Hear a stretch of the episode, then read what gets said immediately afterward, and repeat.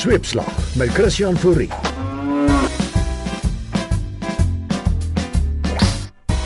Dis alweer tyd om die sweep te klap op monitor. Sweepslag bring hierdie week hulde aan die Trojaanse perd. En as daar 'n wêreldkompetisie vir Trojaanse perde was, het Suid-Afrika beslis 'n medaljekans gestaan. Oh, dans ry die band te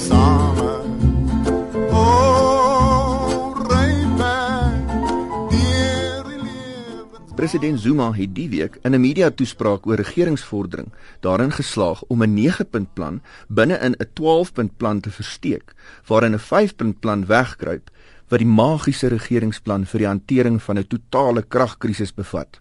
Lekker man, lekker. Dis ongelukkig geklassifiseer, gestempel nog voor dit op die LP se lesenaars beland het. Maar ons weet dis daar en ons weet nommer 1 is in beheer. Hy het 'n plan. We are handling those with a very calculated way so that it does not spark problems. Planne. Ons regering loop op planne so Suid-Afrikaners op kerslig en kragopwekkers. Die opsitkers is terug en hier deesdae ook carols by candlelight. Baie liberaal, dankie Eskom. Veral ekonomiese planne is volop.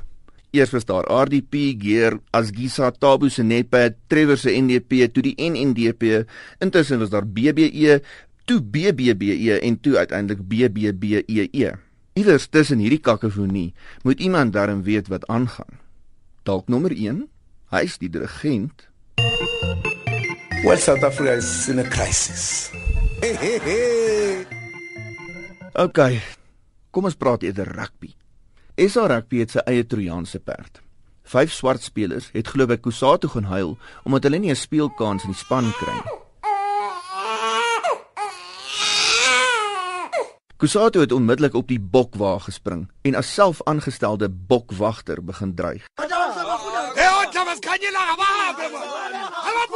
Ons weet almal dat Springbok rugby onder beurtbokkery gebuk gaan. Dis nou wanneer swart impakspelers 5 minute voor die einde van die wedstryd ingespan word om hulle beurt te kry. Maar ook net as die bokke ver genoeg voorloop. Dalk moet mense aan Kusatu se dreigemente toegee. Anders is daar dalk eersdaags 'n total blackout in ons rugby. Ander dinge.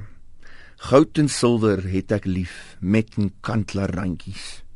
Met die amptetermyne van president Barack Obama en president Jacob Zuma wat einde se kant toe staan, ja, alle goeie en slegte dinge kom tot 'n einde, het Sweepslag die twee leiers se geldsaake ondersoek.